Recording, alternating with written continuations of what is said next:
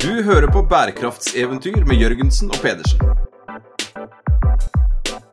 Bli med på eventyrlig jakt på bærekraftig business.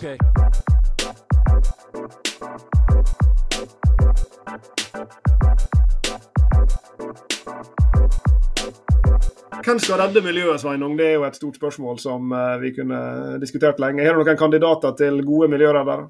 Oi, oi, oi. Det er jo litt sånn at uh, det beste for miljøet hadde jo vært nå er det særdeles lite aktivitet uh, utover det naturlige på, på, denne planeten. Men så er vi i en situasjon da, hvor vi, hvor vi har mye aktivitet, og det er vi jo glad for på mange, mange vis. Og så er det jo noen nedsider av det. Mm, her er det. Det var noen eksekutive studenter av oss som viste oss en video her en dag om en det var en sånn etterligning av en David Attenborough-film. Her ser vi plastposen i dens naturlige habitat, på vei mot the great plastic patch ute i Stillehavet. Eh, og Det er vel kanskje et godt bilde på noe av problemet som blir til av at vi er her. Og så er det jo heldigvis noen der ute da som skal forsøke å, å løse disse problemene. Og Et spørsmål å stille kan jo være kan handelen redde miljøet? Eh, og For å svare på det så har vi invitert eh, sjefen i Handelens miljøfond, eh, populært kjent som Plastposefondet.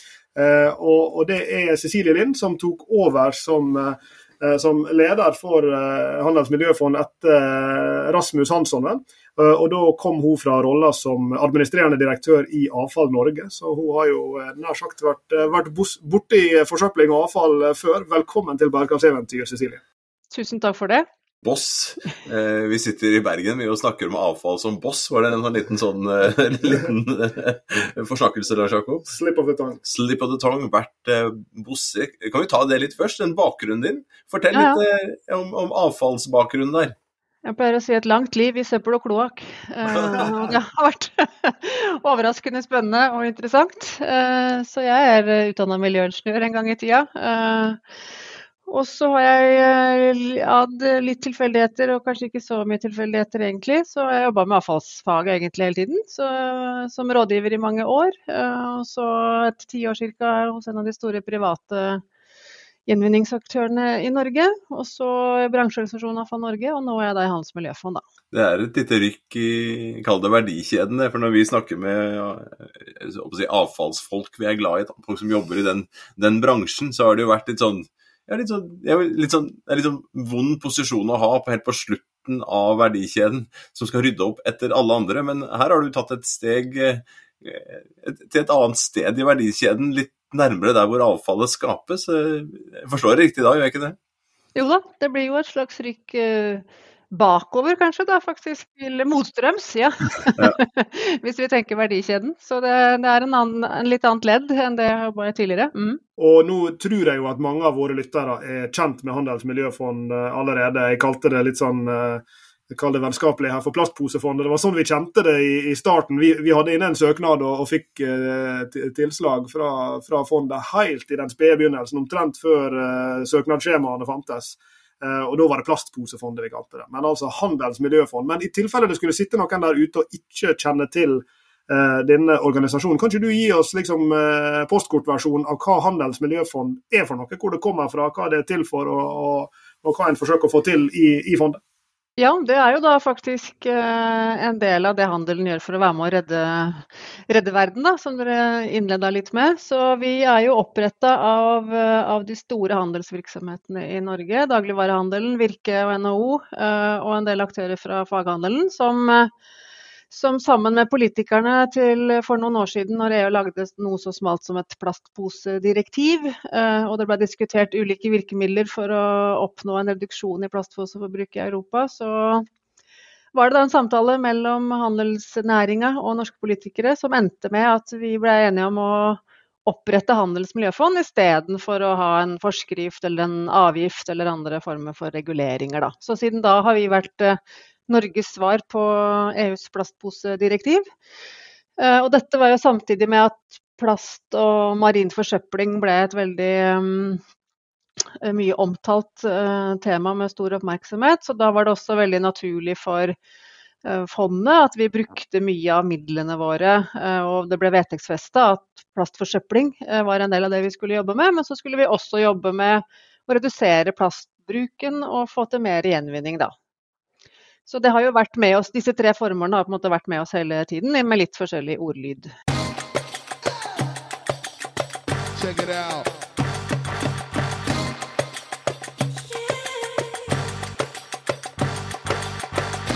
det som du beskriver her, så er det jo Sveinung snakker om å bevege seg bakover i, i, i, verdikjeden. Og ja, på et vis gjør dere jo det, men dere er jo også, slik jeg forstår liksom, scopet til fondet, da, så en del av dette handler jo om opprydning. Altså med andre ord fortsatt da å stå der med beina godt planta i, i avfallet som allerede finnes. Altså det kan være at uh, en miljøorganisasjon søker om støtte til å, å rydde en strand eller flere strender.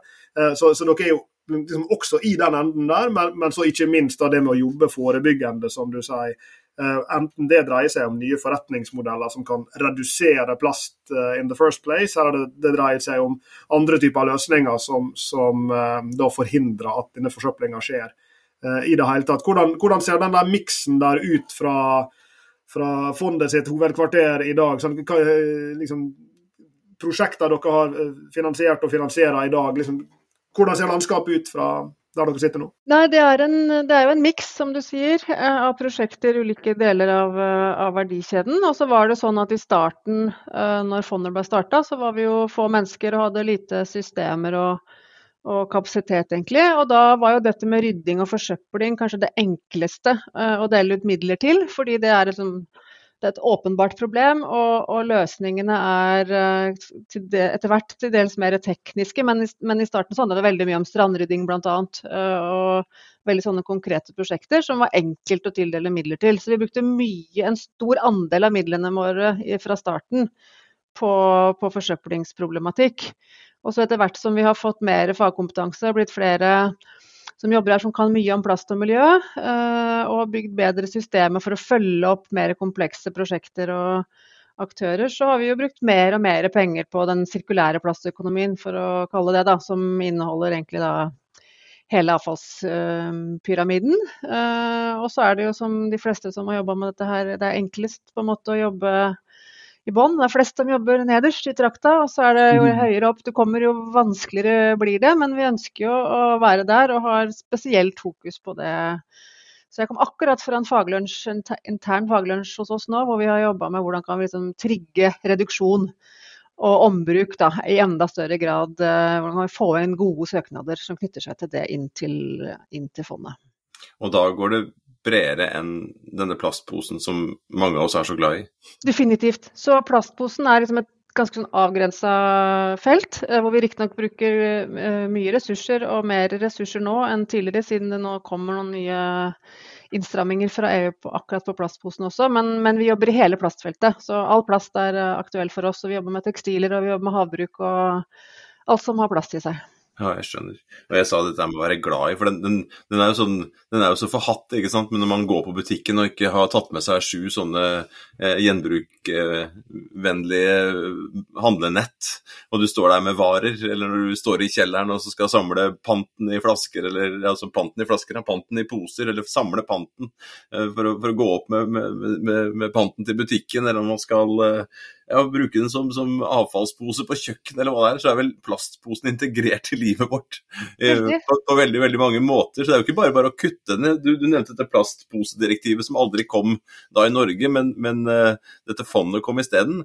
Har dere noe data nå eh, man kan sammenligne hvordan direktivet har virket i Europa kontra dette fondet, og også en høyere pris på, på plastposer i Norge. Er det, er det, for tidlig å si noe om, om uh, hvilken av de to Eh, løsningene som har hatt best effekt? Nei, så Det finnes et sett med løsninger. da. Så I Italia for eksempel, så bruker de bioposer, og da slipper de å telle i det hele tatt. Uh, mm -hmm. og Så er det litt delte meninger om det. Og så er det noen som har gått over til papirposer. Uh, og Der kan man jo regne på livssyklusanalyser og alt mulig og finne forskjellige svar. Um, men, men, det vi vet, er jo i hvert fall utviklingen i Norge. Um, fordi etter hvert så har jo da sant, vi hadde jo, Før var jo posene gratis, det var en service fra, fra kjøpmannen. At du fikk posene når du var så hyggelig å handle i deres butikk. Uh, og det er det jo slutt på i, i, veldig stor grad, så nå betaler vi jo for posene. Og det har jo medført at poseforbruket har gått ned.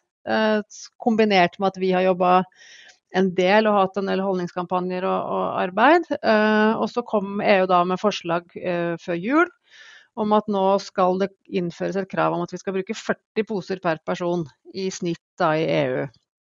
Som inkluderer Norge i den sammenhengen her. Uh, og vi ligger på 132 poser, var, brukte vi da i 2022, så det er ganske dramatisk nedgang veldig fort. da.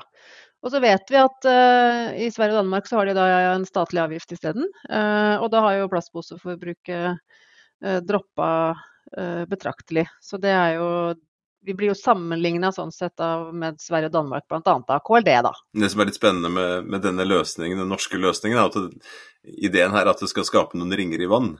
Eh, så, så, de pengene som da kommer inn, skal brukes på prosjekter. og det, så Sånn sett så er det vanskelig Det blir litt sånn epler og, og, og, pærer der, fordi det er ikke bare penger som noen må betale til noen, men her øremerkes de og, og det fordeles da via dere til, til, prosjekter som gjør ulike tiltak. så Sånn sett så, så, så håper jeg jo dette tiltaket her i, i Norge, da, eh, Handels miljøfond, har hatt en, en større effekt enn en bare en, en, nedgang eller en, en eh, forskyvning av forbruket på et vis. Ja, du kan si at eh, plastposer er jo et flatt mål, så kan man diskutere hvor hensiktsmessig det er liksom, hvis vi ser på alle miljøutfordringene i, uh, i Europa. Men vi syns i hvert fall at vår modell er en veldig god modell, og vi opplever ganske stor interesse for den når vi er utenfor landets eh, grenser. Mange som syns at det er interessant, nettopp fordi vi kombinerer dette arbeidet med å, å nå EU-målene med å, å skaffe store midler til å gjøre Eh, tiltak som alle ønsker å gjøre, egentlig både rydde opp i, plastforsøpling og få til mer sirkulær plastøkonomi. Så, så, både vi og KLD og mange med oss syns at dette er en eh, god modell som vi håper at skal bestå.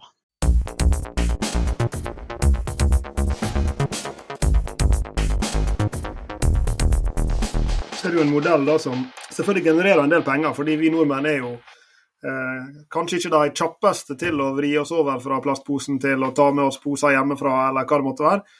Eh, så jeg går ut ifra at, eh, at det klirrer inn en og annen krone på fondet sin konto fortsatt, eh, fordi at nordmenn fortsetter å kjøpe plastposer. Eh, og Derfor så sitter dere jo på mye midler, og de har dere øremerka til disse prosjektene. Er det sånn at eh, Eh, prosjektmengden overstiger eh, pengestrømmen? Eller altså er det sånn at eh, dere på en måte sitter på penger dere ikke får brukt, eller er det sånn at det er prosjekt som dere får sagt, som dere skulle ønske at dere klarte å finansiere innenfor rammene, men som dere ikke klarer å finansiere per i dag? Ja, det, det er litt både òg, da. Men, men, vi har delt ut mindre penger enn det vi har fått inn. Bl.a. fordi jeg snakka om i starten at det, det krever ganske mye Eh, kompetanse og kapasitet å dele ut så mye penger til et tross alt ganske smalt felt i et lite land. Eh, så det, det, må gjøres med omhu. Eh, så det, det er en av grunnene. Og så, men vi, så vi har økt på en måte utdelingstakten vår, da. Men vi får fremdeles inn mer penger enn vi, enn vi, enn vi har. Og så tenker vi at det Eh, ikke nødvendigvis er en stor ulempe. fordi vi vet jo bl.a. at det jobbes mye med teknologiutvikling. Eh, og den teknologien er ikke moden per i dag og trengs å utvikles. sånn at det, det er fornuftig sånn sett også at våre midler kan fordeles over et lengre eh, tidsrom. Da. Og så Samtidig så kan du si at vi vet at det er behov for enorme investeringer i infrastruktur f.eks. I Norge, og da vil det fremdeles våre penger være småpenger i forhold til de mm. totale investeringene som er nødvendig. Um, hvis du ser bort fra liksom det å bygge svære anlegg, um, så har vi jo en ganske god pott med penger som vi kan, uh, kan bruke da. Mm. Er det sånne månelandingsprosjekt du drømmer om, eh, som dere kunne tenke dere å være med på? sånn ja, liksom, ekvivalenten til et eh, liksom, Tomra sine panteautomater? Liksom, er det noe sånt som er det store liksom, big bang-prosjektet som du kunne tenke deg at fondet var med på å forløse? Altså, mange er jo opptatt av at vi skal håndtere mer av plasten vår uh, i Norge. Um, og så har jo det noen, det er noen åpenbare fordeler, og så har det også noen ulemper. Da, fordi vi har i utgangspunktet en ganske liten plastindustri i Norge. Og når vi har det, så er det også begrensa hvor mye du kan gjenvinne i Norge. fordi du kan ikke gjenvinne noe uten at du har en industri. Det er jo det er industrielle aktører som, som kjøper gjenvunnet materiale. Så uten en stor plastindustri så klarer vi heller ikke å gjenvinne veldig mye plast i Norge. Så det er en litt sånn forenkla tilnærming til realitetene, da. Og tenke at vi skal gjøre alt her, men vi kan kanskje gjøre mer. Uh, og det vil åpenbart gi oss, i hvert fall i noen tilfeller, bedre kontroll over en verdikjede som har vist seg å være litt krevende å, ha full kontroll på hele tiden. da. Uh, og så er det ikke sånn at alt som skjer lenger bort, er nødvendigvis mer shady enn det som skjer, skjer nært. Så det, også, det, bildet kan også være, være mer komplekst. Men, men, det er klart at på reduksjon og ombruk, det er jo på en måte det er der den, liksom, den, store, store kampen kanskje står, da. Så vi håper, det er kanskje det vi hadde håpa aller mest på, da. Å fått et helt vanvittig bra prosjekt på reduksjon. Mm. Mm. Vi sitter jo eh, i et sånt prosjekt nå eh, og jobber, et forskningsprosjekt. Vi jobber tett med, med, fotballen. Vi har fått med oss eh, Uefa på, på laget. Eh, og hver uke, eh, ikke bare i Europa og, og, Norge, men i hele verden, så er det jo store eventer. Eh, vi har da gleden av å jobbe sammen med Brann fotballklubb og, med, med, Sportsklubben Brann, må jeg be. Ja, og, og for all Brann SK, eller SK Brann, eh, og, og, og BIR bedrift, altså Bergen interkommunale renovasjonsselskap. Selskap, takk. Nå ble jeg veldig nervøs for å få smekk, smekk fra min, min, min, kollega her, men det tåler jeg godt. Um, og vi står jo der etter kamp, vi da, og, og sorterer avfall, og så jobber vi med å få folk til å, å, å sortere det før det kommer til oss. Uh, så vi står nå apropos denne verdikjeden, så står vi der hvor avfallet er skapt. Eh, og så prøver vi da å få folk til å sortere bedre. Men vi må jo være helt ærlige og si at vi skulle ønske en situasjon hvor dette avfallet ikke ble skapt. Og man, hvor man framfor det å på en kamp da, med en 16 000 eh, tilskuere, så selges det vel en 7000-8000 engangsbegre med plastbelegg. og det er jo heldigvis med plastbelegg, så det ikke renner eh, cola og, og, og kaffe ned i fanget på, på folk. Eh, men vi står der med dette avfallet og drømmer jo om en framtid hvor hvor man kunne ha distribuert eh, leskedrikk og kaffe, og i noen tilfeller også øl, eh, på en annen måte. Så, så det der, den der, hvordan få til prosjekter som ikke genererer alt dette avfallet, eh, og hvordan eh, skape da eh, ja, kioskdrift i dette tilfellet, da, som, eh, med, med, produkter som kan brukes igjen og igjen og igjen. og igjen. Har du noen gode eksempler på, på prosjekter hvor dere har jobbet med dette her, som vi kunne ha høsta noen erfaringer fra? Ja, altså vi har jo støtta over 700 prosjekter, så vi har det, det er små og store prosjekter som, som går på der. Da. Men et, et, veldig konkret case som, som, eh, folk forstår lett, det er eh, et, et forskningsprosjekt som pågår nå, hvor man bytter, tester å bytte ut blomsterpotter i plast med blomsterpotter i vrakull. Altså ull som ikke kan brukes om igjen til til klær. Da. Så da prøver, tester man ut om man kan skape en såpass stiv konstruksjon av den ulla at den, at den holder på formen i butikk og, og, og i handlenettet ditt på vei hjem. Og så kan du da plante hele potteplanta med, med ullpotte rett i jorda, og så inngår den som en del av komposten. Altså, det er et eksempel. Vi har også støtta f.eks. Uh, at du fyller spylevæska rett på bilen, istedenfor at, du spyler, at du kjøper kanner med spylevæske og så kaster du kanna.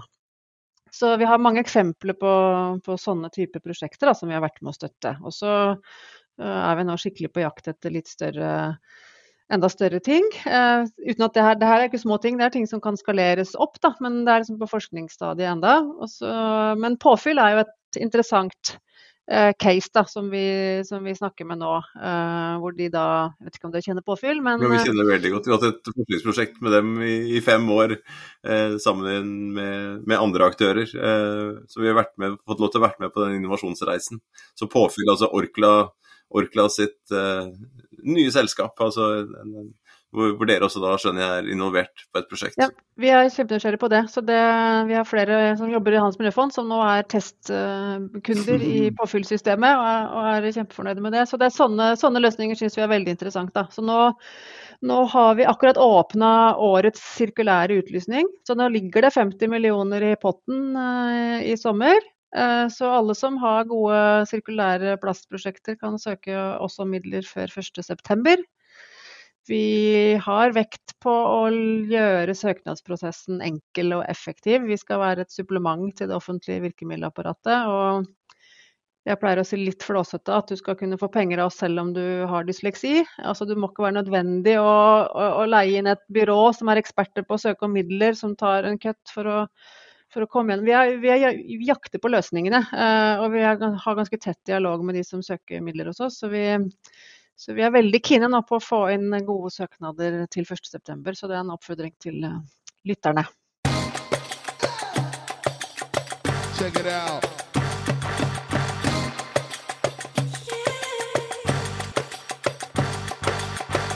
Ja, kjenner jeg våre lyttere rett, så slenger jo det en og annen der som kan være eh, prospektiv søker.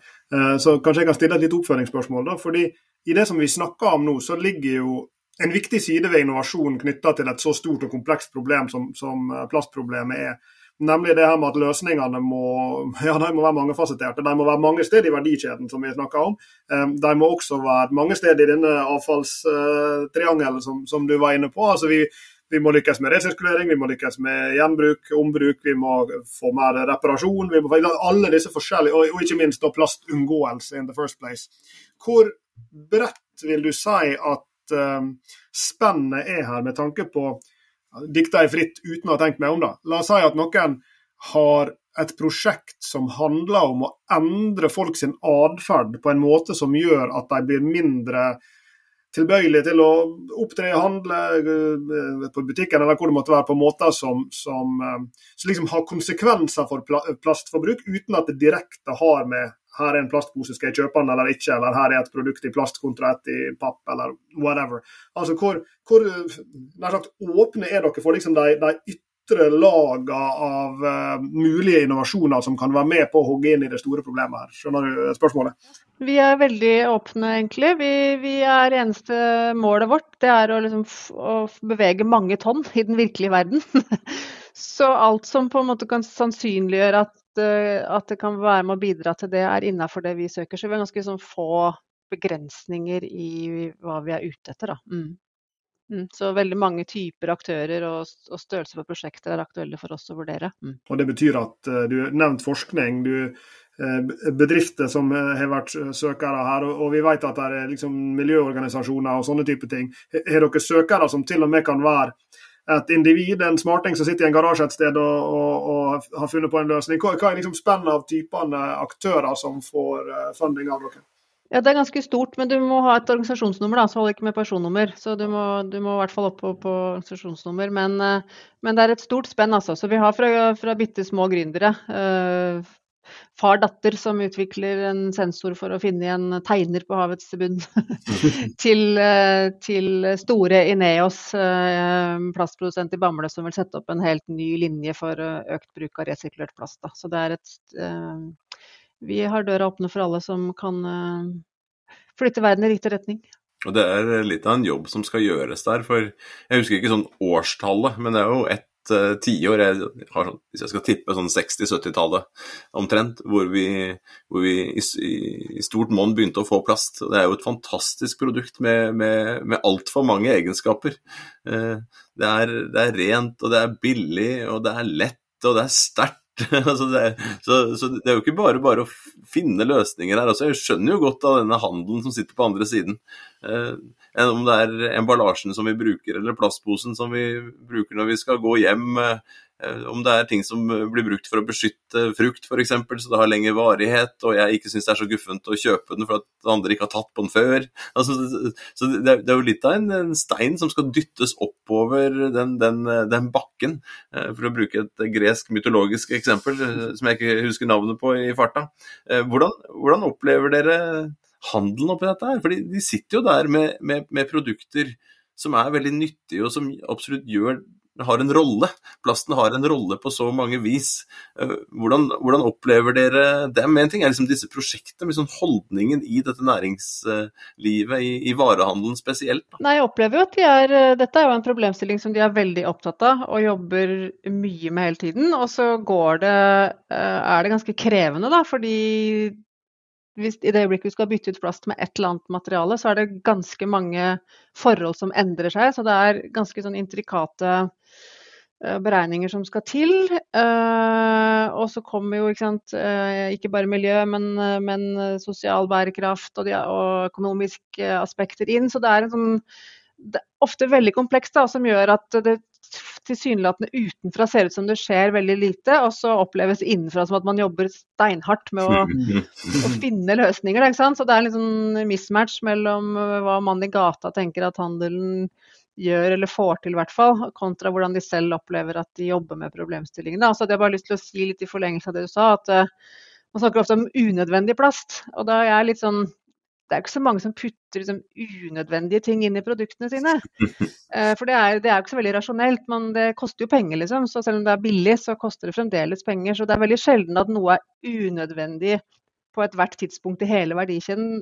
Alt er jo der fordi det har en eller annen funksjon. Og så kan, er den ikke alltid nødvendig eller god, men det er en grunn til at den er der, da. Et eller annet sted i verdikjeden. Så unødvendig plass, det, det, er ikke så veldig ofte egentlig at det fins, men det fins måter å gjøre den overflødig på, da. Men da må du gjøre noe annet isteden. Og hva dette andre er, det, det er ganske komplekst. Og i hvert fall min erfaring fra, altså, også fra avfallsverdenen, at det er veldig få sånne to streker under svaret. Det er ikke sånn at plast, eh, papir er bedre enn plast, eller nært er bedre enn eh, altså kortreist er bedre enn langreist. Eller, det er, så det er veldig spesifikke, konkrete vurderinger som må gjøres for hvert eneste produkt, kanskje på forskjellige steder i landet. Uh, avhengig av hvilket avfallsselskap produktet ditt havner oss, så får det forskjellig løsning. Så det er komplekst, rett og slett. ja.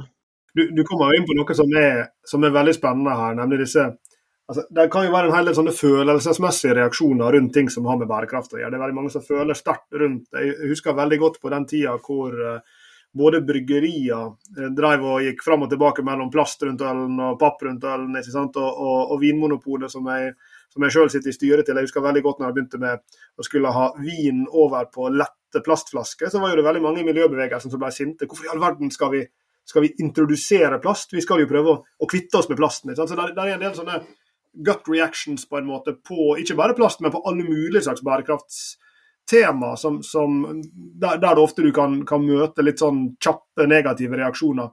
I hvor stor grad opplever dere eh, dette rundt eh, prosjekter dere finansierer? Er det sånn at dere eh, for, for, du, jo, du, du, legger jo for dagen her et perspektiv på, på plasten som er på en måte pragmatisk og moderat og, og på en måte med innestemme på et vis. Eh, opplever dere at det kan bli bråk rundt noen av posisjonene dere tar, eller ting som dere finansierer, eller løsninger som dere eh, fremmer, eller hva det måtte være? Ja, i hvert fall at det ligger mye mm, At man innimellom må bruke veldig mye tid på å for, liksom, forklare fra scratch da, til, til, folk som ikke nødvendigvis har den samme innsikten i liksom, kompleksiteten i det her. Så det, det er um, det er, eh, det, er liksom, det er ikke noe du lærer på ungdomsskolen, dette her. Um, så, og det er ganske, ja, som jeg sa i stad, komplekse sammenhenger da, som det tar tid uh, å forstå. Så jeg tenker at vi opplever at folk gjør feilslutninger, da, så er det ikke så vanskelig å skjønne hvorfor de gjør det. Men et veldig banalt eksempel er at de fleste tenker at en papirpose er mer uh, miljøvennlig enn en, enn en, plastpose, ikke sant. Uh, og det er helt sånn Det ligger liksom nesten i fingrene. Uh, og, og, det å overbevise hele norske folk om at nei, det er ikke sånn. det er en ganske lang, eh, lang og krevende oppgave da, som vi riktignok er på. ja.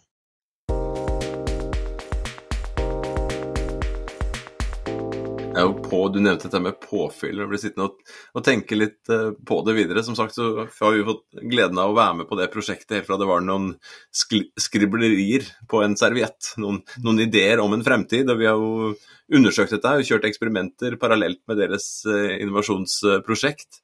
Uh, og det å, å, tenke frem da disse påfyll løsningene, hvor, hvor, i dette til, og i første omgang såpe.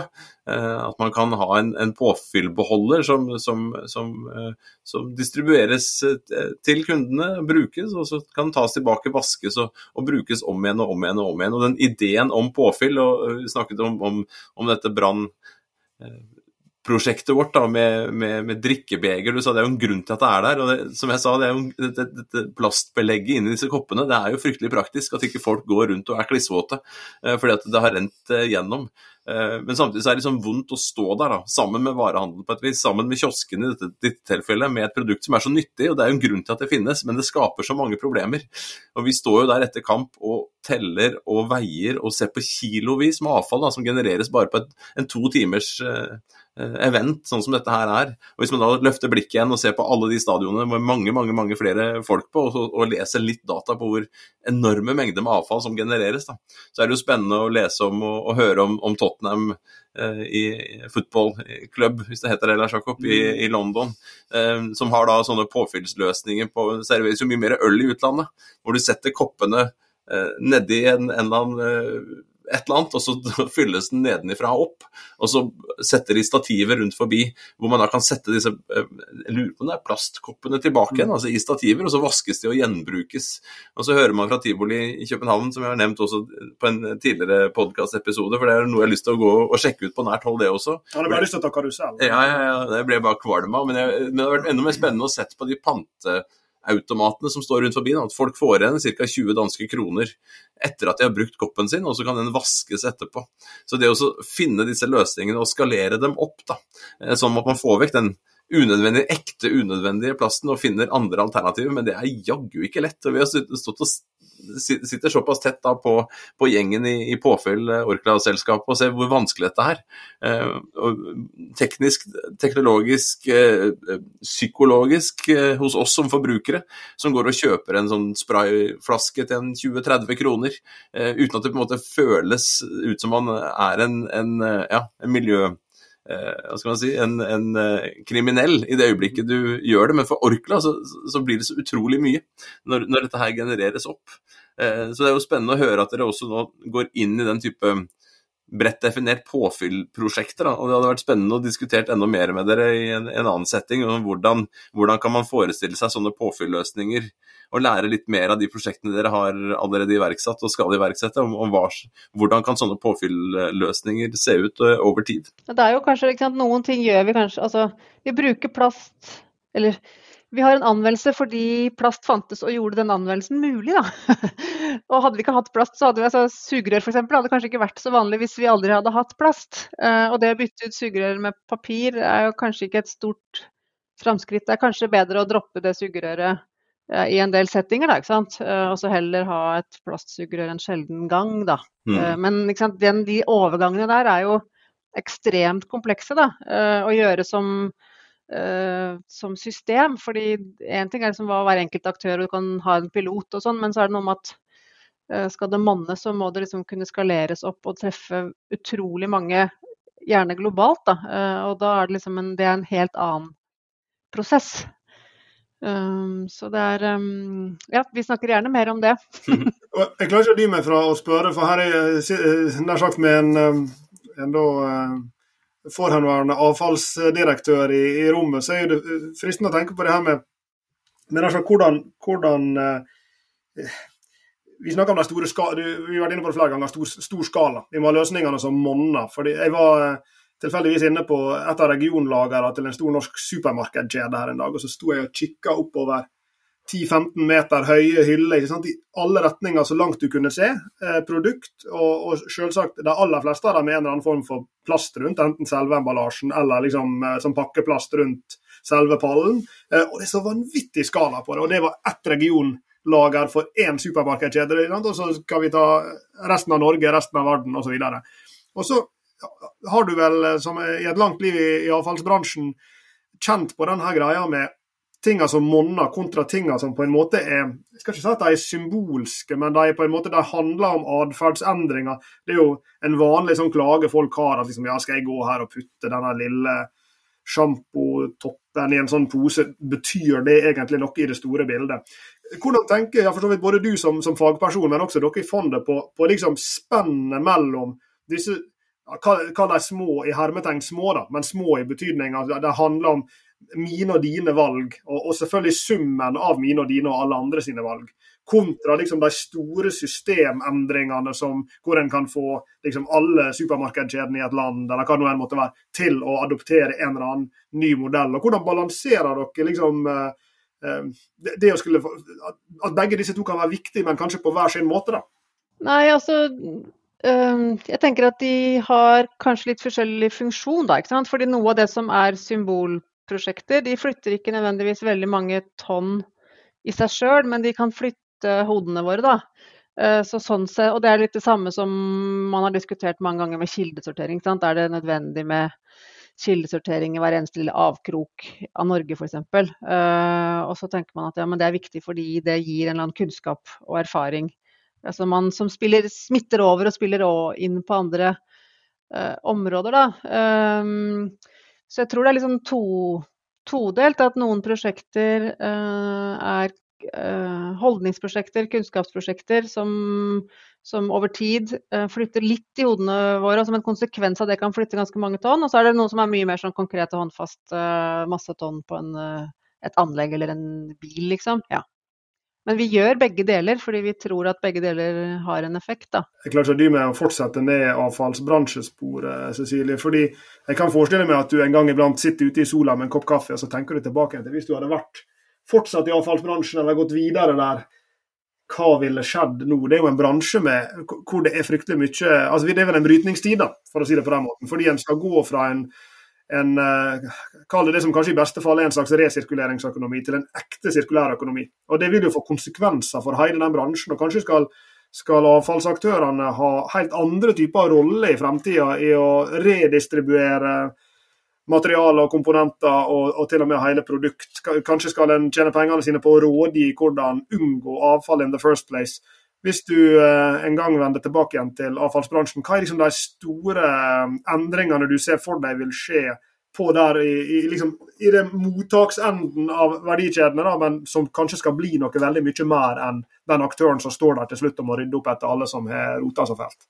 Jeg vet ikke, jeg pleier å sammenligne, altså si at avfalls- og gjenvinningsbransjen er egentlig en veldig stor logistikk- og lageroperatør. Da, ikke sant? De tar store materialstrømmer tilbake, og så ganske sånn lite granulert da, sammenligna med hvis du tenker det er mange små spissa produkter inn til en butikk, og så alle de produktene i en haug i en container ut igjen, da, på en måte, for å forenkle det litt. Eh, så det handler jo om at avfallsbransjen omstiller seg til at den logistikken ut igjen blir mer granulert enn den har vært eh, til nå. Da. Eh, og det er jo også, et Avfallsanlegg er jo i praksis et svært ressurslager.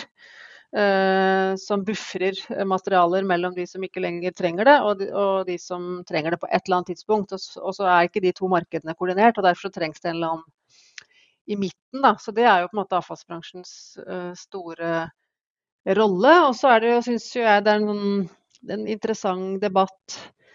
Uh, det her med gjenvinning. Er gjenvinning monner jo ikke. Eller det, liksom, det kan ikke stoppe der. Og det er vel alle enig i. Men men så lenge ikke forbruket faller, så er det jo veldig få andre strategier enn gjenvinning eh, på blokka. Da. Så nå hadde vi akkurat i den faglunsjen som jeg refererte til i stad, så så vi liksom på overgangsstrategier. Da. Så, så kanskje materialgjenvinning, i hvert fall i et veldig langsiktig perspektiv, er en overgangsstrategi. Da. Men jeg, kan ikke se, jeg ser ikke for meg at, at vi liksom kan sette kryss over gjenvinning nå. Eller jeg ser i hvert fall ikke så mye som skjer på forbruksreduksjon, da, at det er en farbar vei på veldig, veldig lang tid. Um, så det er jo et av de store dilemmaene, kanskje. Uh, og så er det da hvor mye skal du investere i det hvis det er en overgang, hvor lang er den, lang er den overgangen, da. Og så er det jo Jeg pleier å snakke det som en pendel som svinger. Da, at man snakker om at ja, Apple skal håndtere alle materialene sine selv og putte det rett tilbake i produkt. Og det vil alltid være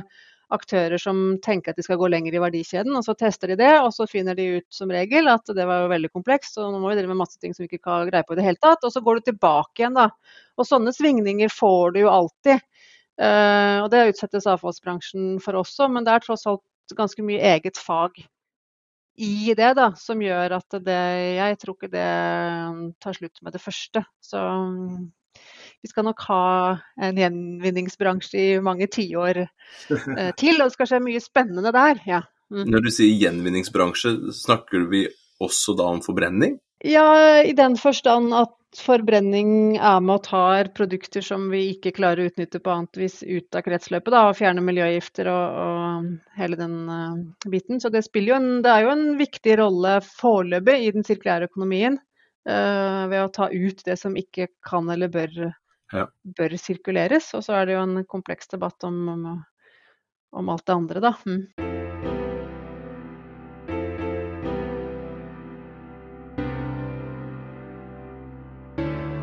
Når jeg våkner om eh, på natta ikke sant, og har, har drømt, så har jeg jo mareritt om, om, disse koppene som jeg har fortalt om nå. ikke sant, og Du står på hver eneste hjemmekamp og vasser i, i, i pappkopper med, med plast i eh, etterpå.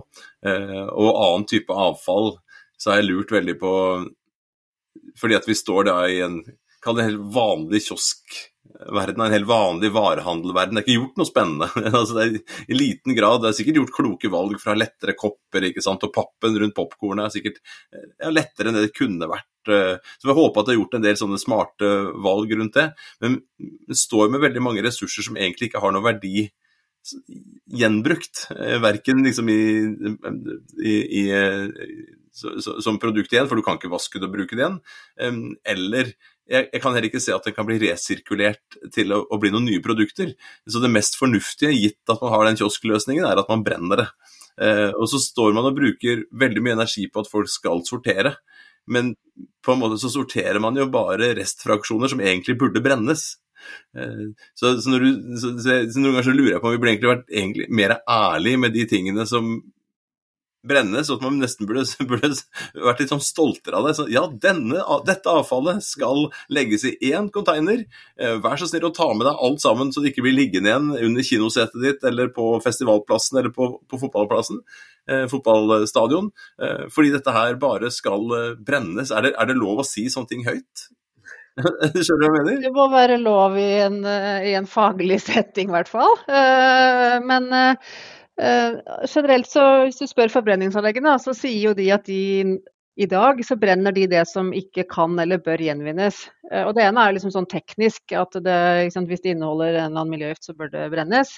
Uh, men det går jo også til en viss grad på volum. Er er det samfunnsøkonomisk lønnsomt å, å, få dette sortert og kjørt Eh, hit og dit, eller, eller, er det totalt sett bedre å ta disse relativt små batchene eh, og la de gå til forbrenning, da, eh, og heller fokusere på de store tingene. Og her er vi ofte liksom her har vi jo folk flest hvert fall et veldig lite forhold til hva som egentlig liksom er de store avfallsstrømmene mm. i Norge. Vi tenker at liksom Det er jo husholdningsavfallet vi tenker på, og så vet vi at det utgjør 25% eller noe sånt av de totale avfallsmengdene. Og resten har man jo ikke noe De fleste har ikke noe forhold til det i det hele tatt. Man har ikke noe forhold til hvor mye som går til deponi, hvor mye som går til forbrenning, hvor mye som går inn av Norge, ut av Norge.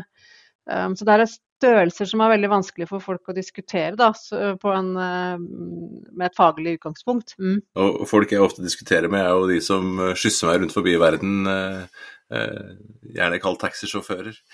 og av dem så lærer man jo veldig mye. Altså, de prater med mye folk og har mye innsikt. men det er noen ganger, sånn, sist gang jeg kjørte kjørte taxi og jeg skulle sitte der en stund, eh, så spurte han meg etter hvert da hva jeg, hva jeg drev med. Og så er jeg ikke alltid sikker på at jeg skal fortelle at jeg jobber med bærekraft. Eh, bærekraftig business. For det, det, det, er ikke alle diskusjoner du orker å ta hele tiden. Men heldigvis så sa jeg det, og vi hadde en veldig spennende diskusjon om mange forskjellige ting knytta til dette her. Om, om, alt fra biler og mobilitet og over i avfall. Eh, og så sier han det han egentlig hadde lyst til å si etter noen få minutter. Det klarte han å vente i hvert fall eh, ti minutter med å, å trekke frem. da. Og, jo, og, han sa det veldig høflig, men sånn, det var tydelig at dette her var en diskusjon som gikk blant flere. Altså, ja, er det egentlig så farlig hva vi gjør her i Norge? Når? Ikke sant? Altså, ser jo Et av disse prosjektene dere trekker frem på, på, hjemmesiden deres, er jo at dere faktisk da stopper plasten før den havner i Ganges. og Det må være litt deilig eh, å kunne si, og kontre dem at jo, vi har faktisk gitt vi har halvannen million eh, kroner til et eh, prosjekt. Kan ikke du fortelle litt om dette her prosjektet som dere har på en helt annen side av, av, jordkloden? Jo, akkurat, akkurat, det prosjektet kan jeg ikke gå inn i detalj, men vi, vi støtter en del internasjonale eh, prosjekter fordi plastproblemet er presserende eh, i mange land. Eh, og så Apropos myter, så er det jo det også det, det, er jo litt en myte at vi tror at marin forsøpling eh, kommer fra andre land i Norge. Og det, altså, mar, norsk marin forsøpling er i all hovedsak fra norske aktører. Det er riktignok et visst tilsig av, av marint avfall fra fiskerinæringa i nord. Eh, men i sør så er det forbruksartikler eh, som havner i sjøen enten fra, direkte fra oss eller via renseanleggene. Og langs kysten så er det våre egne fiskeri og havbruk og de næringsaktørene som befinner seg langs kysten, da, som lekker plast til, uh, til eh, havet. Så, men, eh, men, det er åpenbart uh, Vi jobber internasjonalt. Plastproblemet er, må løses internasjonalt. så vi engasjerer oss. I starten så, så gjorde vi noe på infrastruktur. og så er det et enormt lerret å og bleke. Så nå har vi litt sånn foten i bakken i år og lurer litt på hvordan vi skal jobbe internasjonalt framover. Så nå følger vi arbeidet med den internasjonale plastavtalen veldig tett, bl.a. Og tenker at vi kanskje kan spille en rolle i den implementeringsfasen som forhåpentligvis starter uh, i 2025, da. Um, men, men, også på ombruk nå så, så har vi fokus. så vi, Nå jobber vi også da øverst i avfallshierarkiet og med ombruk og reduksjon da, og ser på det internasjonalt. Hvordan kan du f.eks. droppe ja, De har ikke pantesystem for eksempel, i mange veldig turistifiserte uh, små øyer f.eks. Så der, der, er vi interessert i å finne andre alternativer. Da, så det, det, er både nytt, det er nyttig uh, for dem, men det er også nyttig for oss fordi det er de samme problemstillingene egentlig. Det er bare litt forskjellig skala uh, noen ganger. Mm. Det er i alle fall godt å vite Cecilie, at når jeg og Sveinung er og handler, og selv om vi har mange sånne gjenbrukbare poser, både jeg og Sveinung, så hender det nok fortsatt at vi går ut av butikken med en plastpose i hånda. og Da er det godt å vite at eh, en del av den eh, prisen vi betaler for den, går til eh, et fond som sitter og finansierer disse typene innovative prosjekt, ambisiøse prosjekt, både av mindre karakter, av oppryddende karakter, av større karakter og av forebyggende karakter. Og vi heier veldig på dere i Handels miljøfond og ser fram til å følge det viktige arbeidet deres framover. Og hvem vet, kanskje en gang får vi eh, til kommet oss eh, inn igjen i søknadsskjemaet vi også, Sveinung, og, og fulgt opp eh, prosjektet vårt som vi hadde tilbake igjen i var det 2019, da, eller noe i den duren om sirkulære eh, forretningsmodeller. Så tusen takk for at du ble med på Bærekraftseventyr i dag for å fortelle om dette viktige arbeidet. Tusen takk for meg. Du har hørt på Bærekraftseventyr med Jørgensen og Pedersen. Send e-post til eventyr.krøllalfa.jorgensenpedersen.no for å stille spørsmål eller komme med forslag til tema for fremtidige episoder. Og besøk jorgensenpedersen.no for mer informasjon om denne podkastserien. Okay. Derfra kan du også fortsette samtalen med oss i sosiale medier på Twitter, Facebook, LinkedIn, YouTube og andre steder.